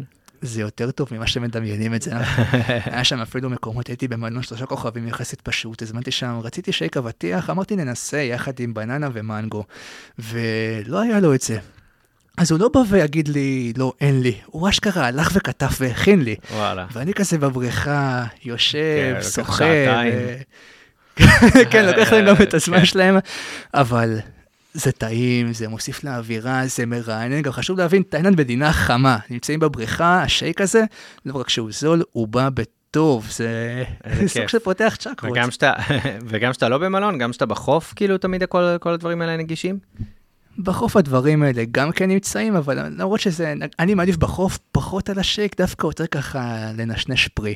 נגיד קלאסי מבחינתי, לטייל באי, לקחת את האופנוע, להגיע לחוף או לאיזושהי נקודת תצפית ככה נחמדה מהמם. לראות, לבוא עם כמה פירות, ואפילו גם שתייה, נגיד איזה בירה, יין, או אפילו מים, ולעשות ככה פיקניק קטן, ברגוע, בחוף, מגניב, דבש. סגור. אז אה, יש עוד איזה אירועים גדולים שקורים באים, או משהו כזה שחשוב להכיר? על הצד המערבי לא, כן. אבל שחשוב להכיר כמובן הפולמון, זה קורה בצד המזרחי, והייתי שם עליו אגב דגש גדול. קודם כל, אז אנחנו, דקה, מסיימים עם המערבי, אה. זהו? אה, אז אני חושב שאנחנו נגענו בדברים העיקריים במערבי, כמובן אפשר ליצול עוד ועוד, אבל לא נצא מזה מעולם, כי אין איזה סוף. אז יאללה, כן, אפשר לעבור קדימה. אז למערב. עברנו למזרחי, אה, למזרח. בעקבות הפול מון, שתכף אה, נרחיב עליו. איך אני, איך אני מגיע ממערבי למזרחי? אני לא צריך להגיע לבנקוק עוד פעם. לא, לא לבנקוק. ברגע שאתה מטייל באיים המערב, אתה הרי התחלת כן. בפוקט, נגיד הלכת לרייני ביץ', לקופיפי, מהמם. אתה חוזר לפוקט, לוקח טיסה מפוקט לקוסמוי. יאללה, מגניב. אז ו- גם לקוסמוי, כן, ולפני הכל בוא נחזור לדגש של הפול מון. אוקיי, אז בעצם אפילו את הפולמון הייתי שם אותו רגע בהתחלה. למי שלא יודע מה זה פול מון, למי שלא יודע מה זה פולמון, פולמון זאת המסיבה הגדולה בתאילנד עם הצבעי גוף, עם המופעי אש, המסיבת חוף, שדי כל התיירים מגיעים אליה. כל העולם נמצא שם, יש שם אלפים של אנשים בחוף, זה משהו שהוא פסיכי. זה בעצם פעם בחודש. זה קורה פעם בחודש, ובאמצע גם מתקיים אלפמון, אבל הפולמון היא כן. המסיבה הגדולה, ככה כולם באים לקופנגן. אגב, פולמון זה המקרה היחיד כמעט שהייתי מזמין מלון מראש, במקרה אידיאלי, זורם עם זה. חשוב לקחת בחשבון גם לגבי הפולמון, לדעתי האישית לפחות, מהמם. זה קצת overrated. אוקיי. הרבה אנשים עושים מזה וואו, מגניב, כי זה גם מצטלם יפה אחרי הכל. לדעתי האישית, המסיבה הזאת היא, היא נחמדה, זה משהו כן, זו חוויה שלפחות בדיעבד, חוויה שכן, לדעתי הייתי צריך לעבור אותה. להיות בה, אבל היא לא must. היא לדעתי פשוט overrated מהסיבה שזה לא מה שדמיינתי. נגיד כשאני- אם אני, עוד דקה בן 33, אה, הייתי במסיבה אחת או שתיים בחיים שלי, ואני מגיע לתאילנד, זה לא להפוך חלומות. תראה, יש פה כמה עניינים. ברגע, למשל, אם אתה, אם אתה מגיע לפולמון, מהמם. יכול להיות שתתאכזב ויכול להיות שלא. אבל אם אתה לא תגיע, אתה תצטער שלא היית. הבנתי, שווה להיות. למי שאוהב מסיבות, שווה לכל הפחות בדיקה. אוקיי, מגניב. כן. סבבה. אז הגענו לקוסמוי. הגענו לקוסמוי, וקוסמוי זה, זה אי גדול שיש בו כמה אזורים ראשיים. יש שם גם צ'אוונג וגם את כפר הדייגים, אבל כשאנחנו מסתכלים על קוסמוי, חשוב לשים לב שבעצם זה האזור שמי שמחפש את החבר'ה הישראלים, אוכל ישראלי, זה שם, יש שם את הדברים האלה די בשפע. והחופים בקוסמוי, יש שם כמה חופים שהם נחמדים, כמו למשל הסילבר ביץ' וה- והצ'אוונג, אבל זה לא משהו שהייתי מתעכב עליו יותר מדי, כי יש בקופנגן ובאזורים אחרים חופים שהם יותר טובים משם, לפחות לדעתי. כמו שאמרת מקודם, יש, אה, מה שינחה אותנו זה הפולמון, שזה בעצם האירוע, מי שלא יודע מה זה. מי שלא מכיר את הפולמון, פולמון זאת המסיבת חוף הגדולה בקופנגן, שהיא קורית אחת לחודש, ומה שמייחד אותה זה מופע, אה, יש הרבה אנשים על החוף, וגם שככה עושים כל מיני קעקועים וצבעים על הגוף. זה משהו שקורה אחת לחודש, איפה היא קורית בדרך כלל? וזהו, אז זה קורה בקופנגן. מגניב, שזה אחד מאיי המזרח בעצם. אחד אז מאיי אנחנו המזרח, ננסה כן. לכוון את ה... זאת אומרת, אתה אומר, אה, ואנחנו ננסה לכוון את הטיול שלנו לפי האירוע הזה בעצם. שהוא יהיה לנו מין עוגן כזה באירוע. בדרך כלל. כן, מי שחשוב להיות בפולמון, כדאי מאוד לקחת את זה בחשבון, כי זה בעצם הפקטור שמשפיע אם אתה מתחיל קודם כל לטייל באיים המערביים או מזרחיים. כן. אם אני עוד פעם אקח אותי, סבבה, עוד דקה בן 33, אוהב מסיבות, והייתי גם במסיבות די טובות בחיים, אוקיי? אה, ואני בונה עכשיו טיול בתאילנד, אז באחוזים, כמה לשים את הפולמון כהכרחי? הכרחי. מה, הכרחי. בכמה באחוזים? 90? הייתי שם על זה אפילו 90, 95, 90 אחוז כן. ללהיות, וואלה, אוקיי, בסדר גמור. מגניב, אז הוא קורה בקופנגן, הוא קורה בקופנגן. ואמרנו שאנחנו נוחתים אבל בקוסמוי, נכון? אז בעצם זהו, בשביל להגיע מהאיים המערביים למזרחיים, לוקחים טיסה מפוקט לקוסמוי, ומקוסמוי, מעבורת. לקופנגן. ואפשר גם להגיע ישירות מבנקוק ישר ל... ישר לקוסמוי, נכון? אה, אפשר, אבל אם מטיילים ב... לא, אם לא אה, מטיילים. כן, כן, כן. סתם כדי להבין. בטח. מגניב. אוקיי, מה מאפיין תהיה המזרח? מה... קודם כל? שהפולמון קורה שם בקופנגן. מגניב. ויש שם באים, לפחות אנחנו מסתכלים גם כן על קופנגן, זה יותר כזה ג'ונגלים, זה הרבה מאוד חופים ושטחים שהם יחסית קטנים. גם שם יש הרבה מאוד טיולי איים, יש שם גם כן חיי לילה. וקודם מה, הם יותר יפים? כל יופי זה עניין של טעם. אם יותר יפים, יש, אה, יש כמה מקומות בקופנגן שמאוד מאוד אהבתי אותם, במיוחד דגש על הצפון, חד משמעית כן. אה, אבל זה הכל מהכל, יש לך גם הבנתי. המערביים דברים יפים וגם במזרחיים. קול. אז מה בעצם, אה, אז אם אני חותר לאיים המזרחיים, אז איזה איים מרכזיים יש שם? אז האיים המרכזיים שמגיעים בדרך כלל, בוא נתחיל בקוסמוי. בדרך כלל כשמגיעים למזרח אנחנו מתחילים באמת עם קוסמוי, ובעצם זה ממשיכים גם כן שהוא גם אי. גדול? קוסמוי אי גדול, אי גדול, לא כמו, לא כמו פוקט, אבל כן, אי גדול. יש שם, יש שם חופים, יש שם שווקים, יש שם אמ, גם כן מקדשים, מסעדות, והרבה, אגב, יש שם הרבה ישראלים והרבה מסעדות ישראליות, גם בית חב"ד כמובן, קיים שם בהרבה איים. ויש שם טיולי איים, יש שם גם שקיעות יפות, זריחות. זאת אומרת, ממש די מאפיין אותו דבר. כאילו, זאת אומרת, גם מי מתויר, עם כל השירותים, כל הדברים האלה שדיברנו עליהם מקודם, בטן גב, גם קצת יותר גדול, אז מן הסתם יש קצת יותר שווקים וכל הדברים האלה. זה דומה ושונה בו זמנית, כן, יש להם, יש, הם, הם חופפים כן. באותם דברים שהם מציעים את אותם דברים, כמו כן. למשל חופים ו- ובטן גב, למשל אבל. מרגיש שונה. אבל זה מרגיש שונה כי זה גם קצת אנשים שונים, זה גם יש לך מקומות יותר ישראלים, פחות ישראלים, יש לך מקומות עם אוקיי. בכללי יותר תיירים ופחות תיירים, וגם נראות המקום, אז ככה הייתי משחק עם זה. אוקיי. זאת אומרת, כן, כן אתה ממליץ לחוות את שניהם, זה לא, זה על ממליץ. פניו נשמע אותו דבר. ממליץ לגוון בין שניהם, בטח. מגניב. אז אה, קופנגן, שזה עוד אי בולט במזרח, נכון? יש לנו בהחלט גם את קופנגן, ששם קורה הפול מון, וחלק מהקטע בקופנגן, שגם יש שם למשל אה, ברים ככה עם אה, נופים מאוד מאוד מאוד מאוד יפים, ככה שאפשר בעצם גם לשבת, לשתות, וגם למי שמעשן יכול להסתדר שם. זה קיים גם בברים, גם בבריכת אינפיניטי, ו... ממה שהבנתי גם, קופנגן, כאילו, היא קצת לאנשים יותר בוגרים. כאילו, לבילויים יותר בוגרים, בסגנון יותר בוגר. זה נכון? כן ולא. זה נכון בעצם, אה, לפחות אם אנחנו מסתכלים על אזור סריטנושה בקופנגן, שם בדרך כלל יש שם ככה קהילת נוודים דיגיטליים וחבר'ה צעירים שנמצאים, זה פחות משפחות. מגניב. אבל יש, יש גם חבר'ה, למשל, אם אנחנו מסתכלים על ילדים, משפחות והזקנים, כאילו, כן. כן. כלל, אתה יודע, אנשים בני 50-60 פלוס, כן. אז הם בדרך כלל אנשים שיבואו לאדרין, אז תלוי איפה אתה נמצא, אתה יכול איך? לחוות גם את זה. אז איך אמרנו האזורים? האזורים בעצם, יש לנו בקופנגן כמה אזורים ראשיים, יש שם את האדרין, ששם מתקיים הפולמון. אדרין? יש את האדרין, ששם מתקיים הפולמון, יש את סריטנו, ששם זה האזור הצעיר יותר, שיש שם גם אחלה ברים בערב, אבל זה פשוט, שם זה לא האזור של מסיבת הפולמון. ויש גם למשל את טונג סלה, ששם יש שם גם ג'ונגלים, גם שווקים, זה... מגניב. כן. cool, איזה עוד איים בולטים? יש, למי שאוהב צלילות חברים, זה יכול להיות פגז, יש את קוטאו. קוטאו נמצא כ... לוקחים מעבורת של בערך 40 דקות ומגיעים מהמם. מקופנגן לקוטאו. אה, יש שם גם כן חופים, מטריפים וצלילות. אני לא צללתי, אבל ממי שצלל, חד משמעית אמרו, קוטאו, קוטאו, קוטאו, קוטאו, קוטאו, קוטאו, קוטאו. מגניב. כן. אגב, עשיתי שם שנורקלינג, וזה הספיק לי להבין שיש משהו במה שהם אומרים. מגניב. אז כן. מה, אוקיי, אז אנחנו עכשיו בצד, בצד המזרחי, יש עוד איש ששווה ככה... לא, בטיול של חודש לא הייתי מתעכב על זה לא יותר. מדי. אגב, אני מוסיף שאם אנחנו מסתכלים באמת פה במקרה של החודש, הייתי הולך לסביבות הארבעה, חמישה, אם לא בהכרח יותר עם כמה שזה מפתה. לפחות לדעתי ככה, אני מעדיף להשקיע באיכות יותר מאשר בכמות. ו... אז כמה זמן בטוטל לכל האיים? שבועיים? הייתי שם בסביבות ה-20 יום לאים. אמרנו שישה, שישה ימים ואז אתה סוגר שלושה בצפון, בבנקוק. וזה, ואז שלושה בבנקוק. יאללה, מגניב, אז זה יותר ימים מערביים או יותר מזרחיים? אה, אז זהו, אז כאילו מצד אחד אה, יש פה איזושהי התלבטות מסוימת. אבל האמת שלי לפחות, אני כן. מעדיף את הצד המזרחי המזרחי. מה שאני קורא לו הפיליפינים של תאילנד, כי זה אזור שהוא יותר אותנטי, יותר בתולי, וזה מה שאני איים אישית יש יותר? אוהב. יש לך שם את קוצ'אנג, את קוקוט, את קורמק, שם זה, זה אזורים שיותר קשה להגיע אליהם, אין לך שם איזה טיסה נוחה או מעבורת, לא? אז מה, האיים יותר בתול, בתוליים כאלה, הכל יותר אה, ככה אותנטי קצת, הנופים יותר אה, מרהיבים?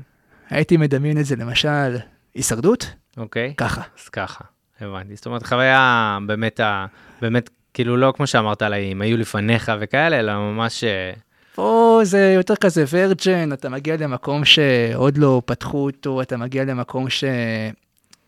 אתה מגיע לחוף ואין שם אף אחד, אחי, ואתה מגיע לחוף עם מלא צדקלים, קוקוס, אחי. אני אישית לא צריך יותר מזה. קול. אז, אבל דקה, כדי להגיע אליהם, אם נגיד עכשיו בקוסמוי, אני צריך לטוס לבנקוק ולחזור חזרה? אז זהו, זה די, אה, זה- זה קאדר, צריך כאילו, ככה עושים. זה קאדר להגיע לשם, כן, גם נמצאים בפוקט וגם עם קוסמוי, צריכים להגיע לבנקוק, לבנקוק, ומבנקוק ואז- לוקחים אוטובוס של 6 שעות, ואפילו הבנתי. גם אז לוקחים אוטובוס ומעבורת בשביל להגיע, הבנתי. אבל מי שיש לו זמן, לכל שווה את הפחות. שווה בדיקה. סבבה. מגניב. אז סיכמנו את האיים, אמ, יש לנו גם אה, קצת קניות וכאלה באיים? או, בטח. קודם כן. כל הבנות שאוהבות את הבגדי ים, וזה לא רק, גם אני אפילו קניתי לי בגדי ים.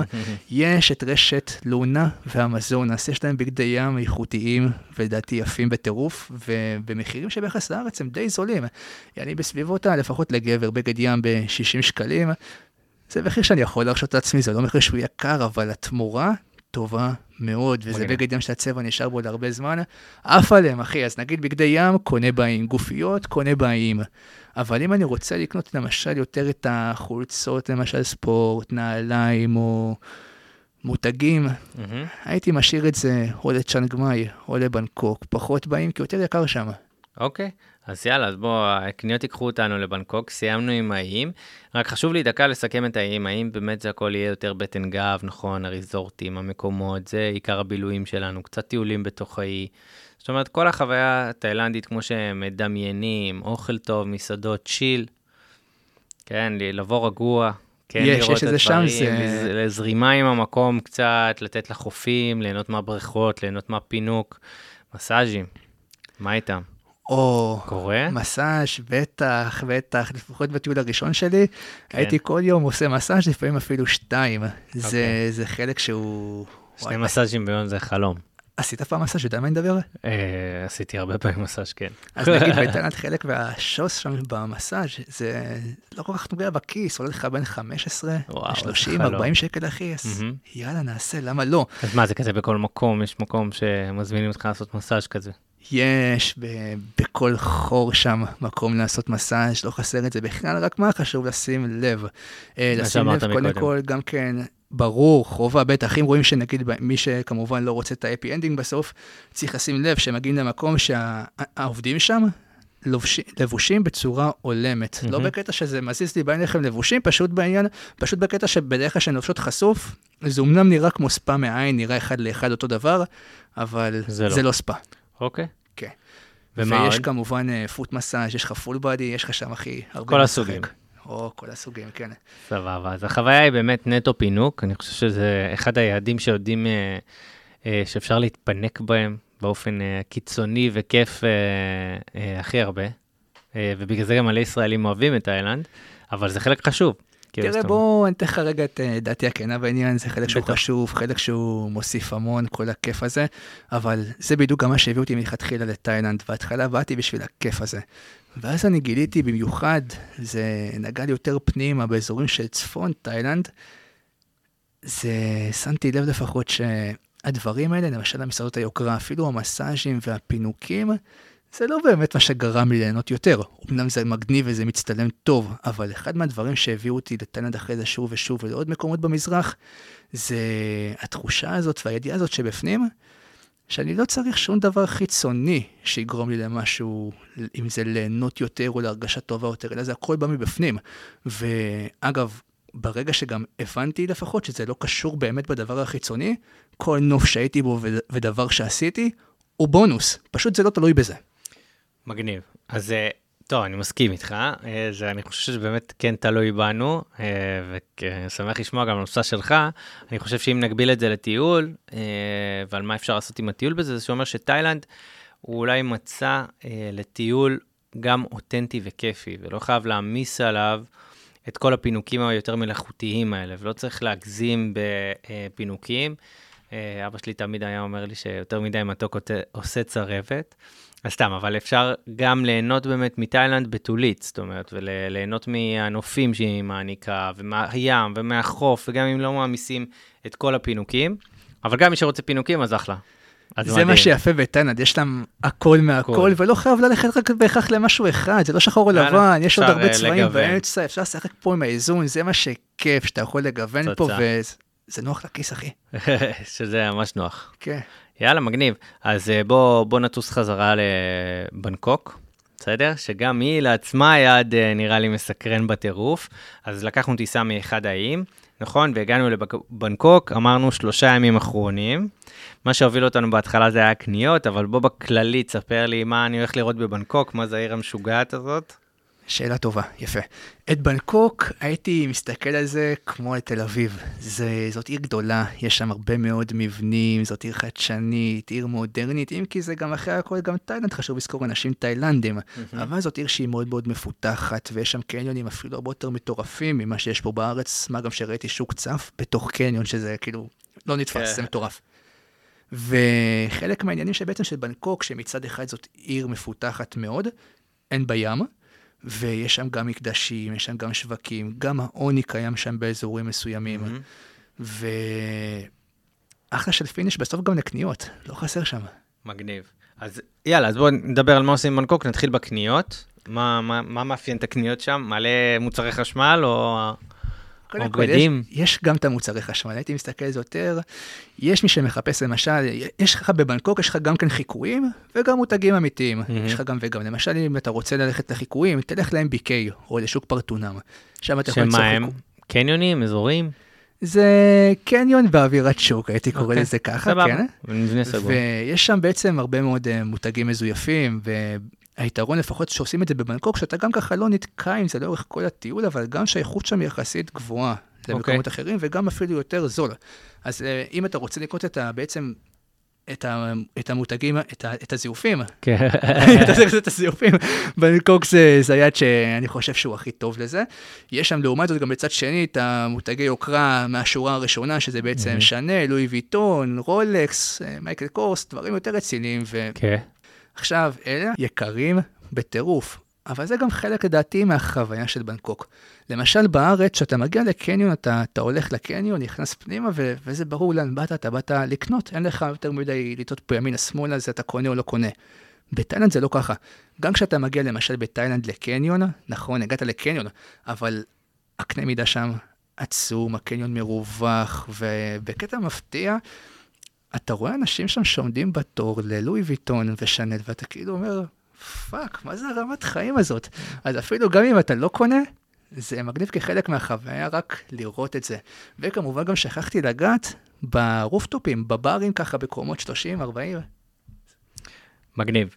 אז זה הקניות שם, ואני חושב שזה גם מגניב לסכם את זה שבסוף הטיול ככה מקנחים עם הקניות, ואז באמת גם לא נסחבים עם זה, ומי שאוהב קניות וזה חשוב לו, אז שם זה המקום, יש שם גם מותגים לגיטימיים, גם זיופים. אה, אם אני מחלק ככה לאיפה לרוב אני בתור תייר אה, אהיה בבנקוק, בדרך כלל, כן, מה שאני ממליץ על אזור סיאם. אזור סיאם זה אזור יותר מפותח, יותר נקי, יותר מרכזי, אם כי יש בבנקוק כמה אזורים מרכזיים. פשוט מה? סיאם, אוקיי, יש לך בעצם, יש לך גם את סיאם וגם את קרווסן. סיאם הוא יותר כזה באזור הקניונים, מקום שהוא יותר מהמם. מפותח, ויש שם הרבה תיירים, כמובן. ויש לך גם את קרווסן, ששם יש לך את השווקים, כמובן גם שוק קרווסן, וזה אזור שהוא וגם שם אפשר ללון כאלה, אבל זה קצת יותר, אה, אני מאמין, בטח, בטח, יש לך גם שם מלונות בכל הרמות, רק העניין הוא שזה, הרבה אנשים חוו את זה כג'יפה של בנקוק, חוויה שהיא לא קצת טובה. יותר פרימיטיבי, אוקיי, פחות נקי, פחות אסתטי. הרבה פחות אסתטי. הם קרו- הם אחד ליד השני, שני אזורים? לא כל כך, זה... אז איך אני, איך אני זז ביניהם? אוקיי, דבר מאוד מאוד חשוב שאנחנו לא נגענו בו, לגבי איך אתה עובר בין מקום למקום, זה נכון. רלוונטי גם לבנקוק, גם לצ'אנג מאי, גם לפוקט, קוסמוי. יש אפליקציות כמו למשל בולט. בולט היא אפליקציה כמו למשל, כמו, כמו, כמו גט טקסי בארץ, רק אפליקציית המוניות הכי זולה שיש בתאילנד במחירי בדיחה, אתה מגיע ממקום למקום, אתה יכול לקחת לך למשל בולט אופנוע, בולט אוטו, וואלה. כן, מגניב. ובמקרים שאין Bolt, כדאי Grab. אגב, הם, לא יודע אם אתם, אם זה משהו שכאילו, אם זה משהו שמובן מאליו או לא, אבל טוק טוק, זה כן. התחבורה בדרך כלל הכי יקרה בתאילנד, הכי וואלה. יקרה, כן. אז זה גם סיוט וגם אה, זה. אה, יש בזה משהו של סיוט, כי אם אתה נמצא באזור שהוא ג'יפה ומחניק, אחי, כל זה סיוט. אבל מצד שני, ככה לפעמים בא לך רגע, אתה מגיע למקום חדש, לראות מה הולך כאן, ואתה רוצה לנשום את האוויר עליך כן. כשאופנוע לא אופציה, יש בזה גם משהו נחמד. יאללה, מגניב. אז אמרנו יש את הקאוסן וסיאם, יש את הקוואסן. אלה בדרך כלל שני האזורים שנתמקד בהם. מגניב, אה, ישנו, עשינו, אז אמרנו יש לנו קניות, יש לנו קצת שווקים.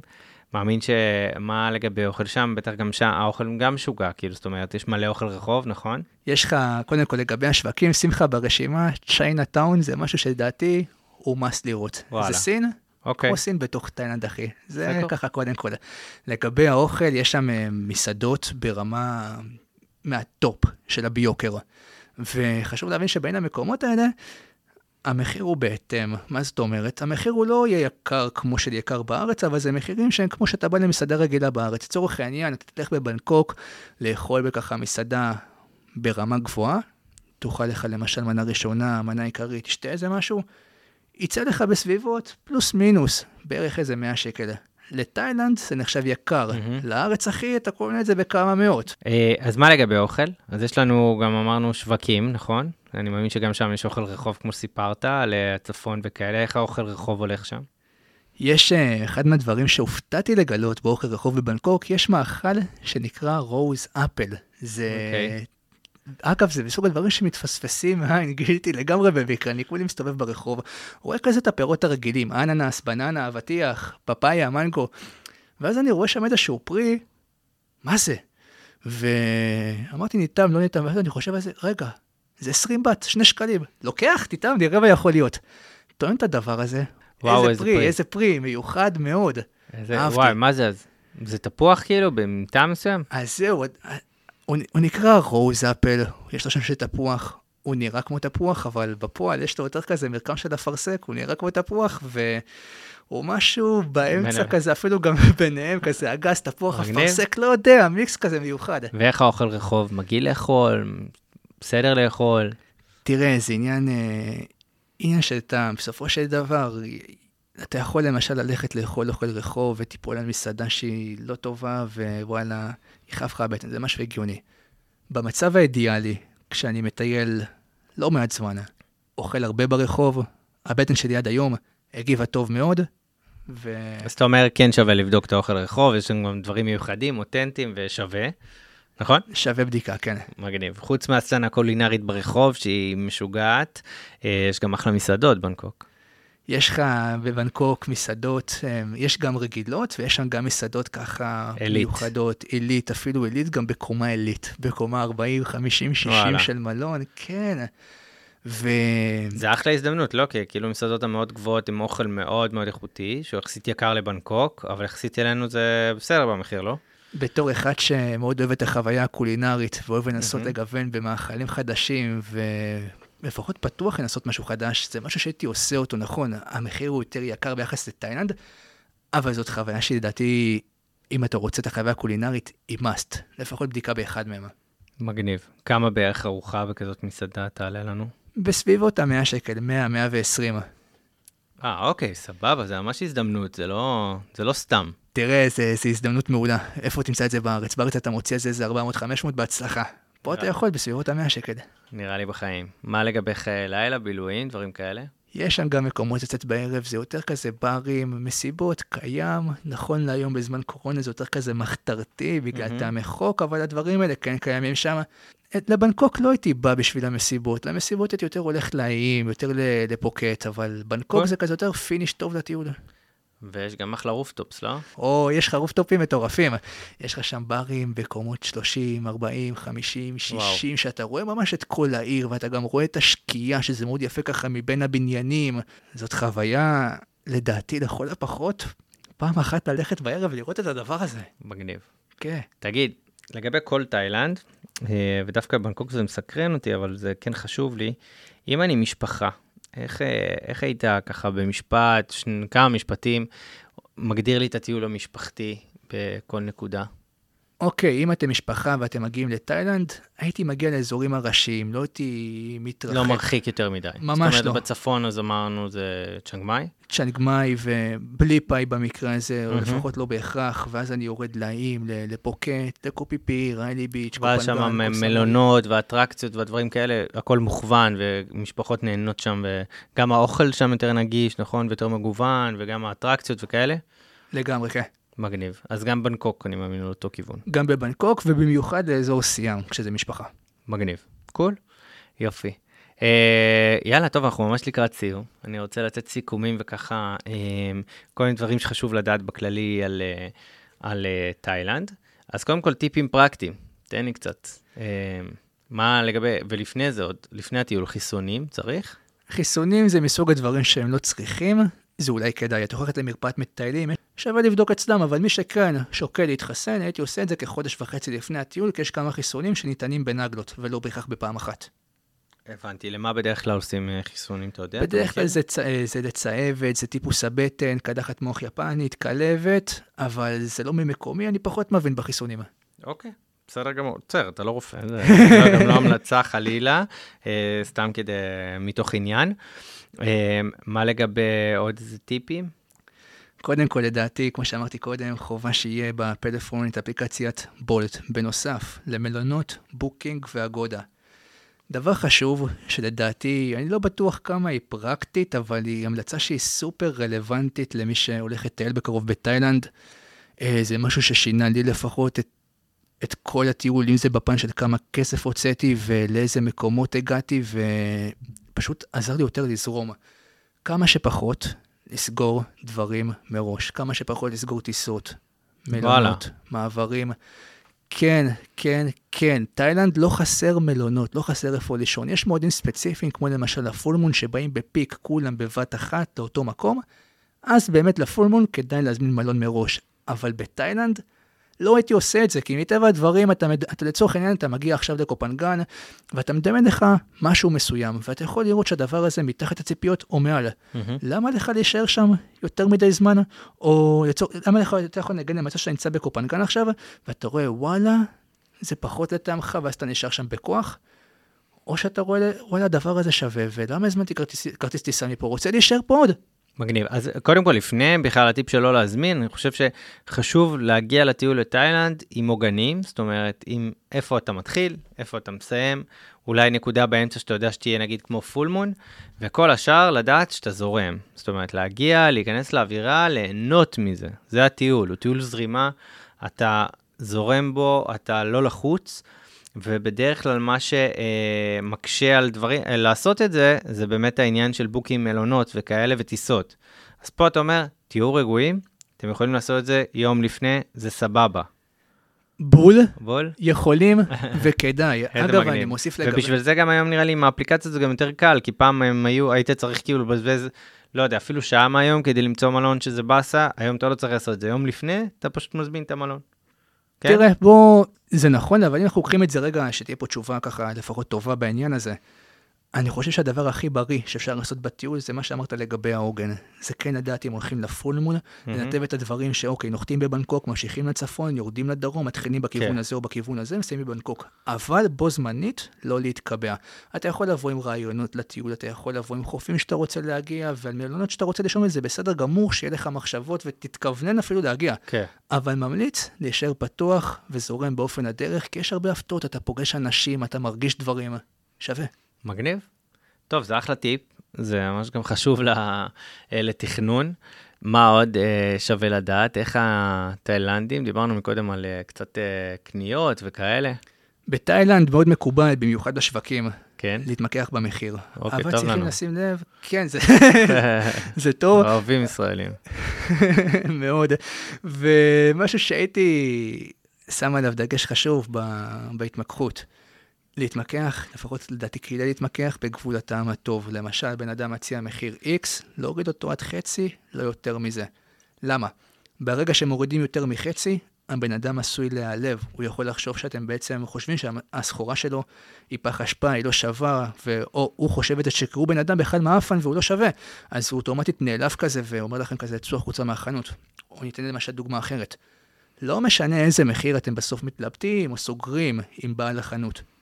לדעתי הכי חשוב, הדרך.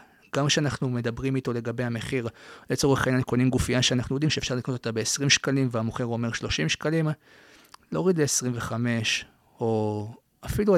משהו יודעים מה? סביר ומכבד. להוריד למשהו סביר ומכבד, ולשמור פשוט על, על, על טון דיבור נעים, על לא לזלזל בו לאורך הדרך, אפילו גם אם זה אומר שצורך העניין, לא תקנו אצלו. מהמם. אגב, גם לא קרה כלום, כי בתאילנד יש, יש תופעה בתאילנד שלמשל מחפשים איזשהו משהו, לא מוצאים אותו, לא מוצאים אותו בתאילנד, אבל ברגע שמוצאים אותו באיזשהו שוק, הוא קיים בכל החנויות האלה ליד השוק. אז אין בעיה, לא מצאתם אצל הבן אדם הראשון, תחפשו ליד, תופתעו לגלות שהרבה פעמים אם תעשו את זה באמת ממקום אמיתי וככה תהיו נחמדים, הרבה פעמים המוכר יגיד לכם, אוקיי, אוקיי, 20 is אוקיי. ואז אוקיי. אתם ככה, כולם מרוצים. מגניב, מה לגבי חשמל וכאלה? צריך להגיע מוכנים. לגבי חשמל, בעצם מי שיש לו שקע של, אמ, של שני חורים, כמו למשל של האייפון, לא צריך לבוא עם שום, אה, שום שקע או משהו שהוא מתאם, כי זה נכנס אוטומטית בקיר. אבל למשל שקע של מחשב עם שלושה אה, חורים, שלושה זה חורים. כדי שיהיה מתאם לשניים ואתה מסודר. מגניב. בת שווה כמה? בת שווה כעשר, נכון להיום, משהו כזה. נכון להיום, שקל אחד שווה כעשר בת, זה לפחות בחישוב המהיר שעושים בראש. הבנתי. טוב, עזוב, ממש לקראת סיום. אם uh, אנחנו מתכננים טיול, מה, יש לך ככה המלצות uh, לעזור לנו איפה שווה למצוא מידע, טיפים לתכנון טיול בתאילנד? קודם כל לעשות שיעורי בית, אגב, אני ממליץ שעושים את השיעורי בית בגוגל, במיוחד באנגלית, שם יש הכי הרבה מידע. מהמם. מי שרוצה ככה יותר עזרה מכוונת למה שהוא מחפש, מה שיותר אוהב, מה שפחות אוהב, אפשר לפנות אליך. תכף ניגע בזה בדיוק. ומה עוד? יש עוד איזה מקומות ששווה, חוץ מהפלטפורמות שלך, שניגע בהם עוד דקה? הייתי, מה שכן הייתי עושה זה למשל באינסטגרם מחפש לפי לוקיישנים, למשל אני יודע שאני רוצה ללכת לקופנגן, כותב בחיפוש למעלה קופנגן ורואה את התוצאות, רואה מה שהוא מדבר אליי, רואה לא, מבין איפה. זה נמצא, שאמרתי לקחתי. אגב, כמובן, לא משנה איזה מקום אהבתי ולא אהבתי, חובה בטיול גוגל מפס, שם שומרים את כל המקומות, גוגל מפס זה הווייז בארץ. מעולה. אז יאללה, אם דיברנו על אינסטגרם, בוא ניגע באינסטגרם המרהיב שלך. אה, לא יודע אם מי שיודע, יש לכמה עשרות אה, יש אלף עוקבים. קצת מעל עשר, כן. נכון? אה, שככה אינסטגרם מאוד מאוד מאוד מרשים ויפה, שנקרא טראבלורט. אה, והוא אחלה של ערוץ מידע. יאללה, ואז בעצם אפשר למצוא אותך שם, נכון? זה גם אחלה עמוד, הוא גם אחלה מקום למצוא בו ממש מסודר, לא? קודם כל, כן, תודה. כן, אני גם מגדיר שם ב-highlighting ממש את היעדים לפי אזורים. למשל קופנגן, קוסמוי, צ'אנגמאי, פאי. כמעט ולא תראו שם מילים, אתם יותר תראו שם סרטונים שמראים את מהמם. המקום כמה שיותר כפי שהוא מהעיניים שלי, במטרה של להביא לכם לפחות את החוויה בעיניי ושתבינו לקראת מה אתם באים. מגניב. ואיפה עוד? אפשר גם למצוא בפייסבוק בקבוצת מטיילים במזרח, אפשר גם בקבוצות הוואטסאפ, או פשוט לדבר איתי בפרטי. מה זה אומר קבוצות וואטסאפ? בקבוצות הוואטסאפ, יש לי קבוצות וואטסאפ שנקראות טראבלורט תאילנד, שבעצם היום יש שלוש קבוצות וואטסאפ שהן מלאות. יש מגניב. עכשיו נפתחה קבוצה רביעית עם 160 אנשים, ואפשר להצטרף אליהם. ואז תמיד יש שם מידע ושיתוף וכאלה?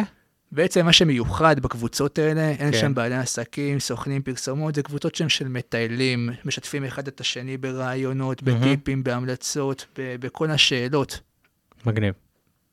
קול, אז בעצם שם, וגם אפשר לפנות אליך לבעצם אה, סיוע בתכנון טיול, ותכנון טיול עד הסוף, וגם שיחות ייעוץ וכאלה, ותכף גם אה, בזום, לא?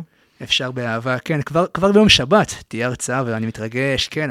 כן, אני מאמין שזה יהיה אחרי שזה, הרבה לפני שהפרק הזה יעלה, אבל אה, ממש מגניב, ובהצלחה עם הזום הזה. תודה, תודה רבה. ובכללי, אני חושב שזה אחלה פלטפורמה.